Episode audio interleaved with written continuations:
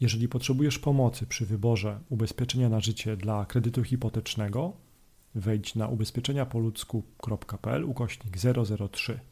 Tam wypełnij formularz, a doświadczeni doradcy pomogą Ci znaleźć najkorzystniejszą polisę na życie. Ja mam tutaj jeszcze takie zagadnienie jak ubezpieczenie na życie z cesją na bank. O co tutaj tak. chodzi?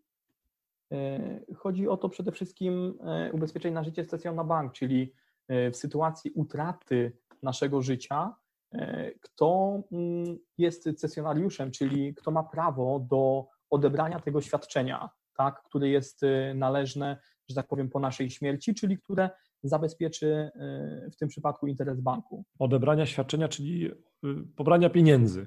O tak, tak. Dobra, tak, okay, tak, dobra, tak. dobra. Czyli um, ubezpieczenie na życie z cesją na bank oznacza, że jeżeli z jakiegoś powodu ja zdecyduję zawinąć się z tego świata, mm, to wtedy beneficjentem ubezpieczenia będzie bank. Tak jest, beneficjentem, okay. czyli tą osobą uprawnioną do Dobra. odebrania pieniędzy. Dobra. E, natomiast tutaj moglibyśmy to jeszcze rozszerzyć o, o taką jedną, e, jedną w zasadzie rzecz.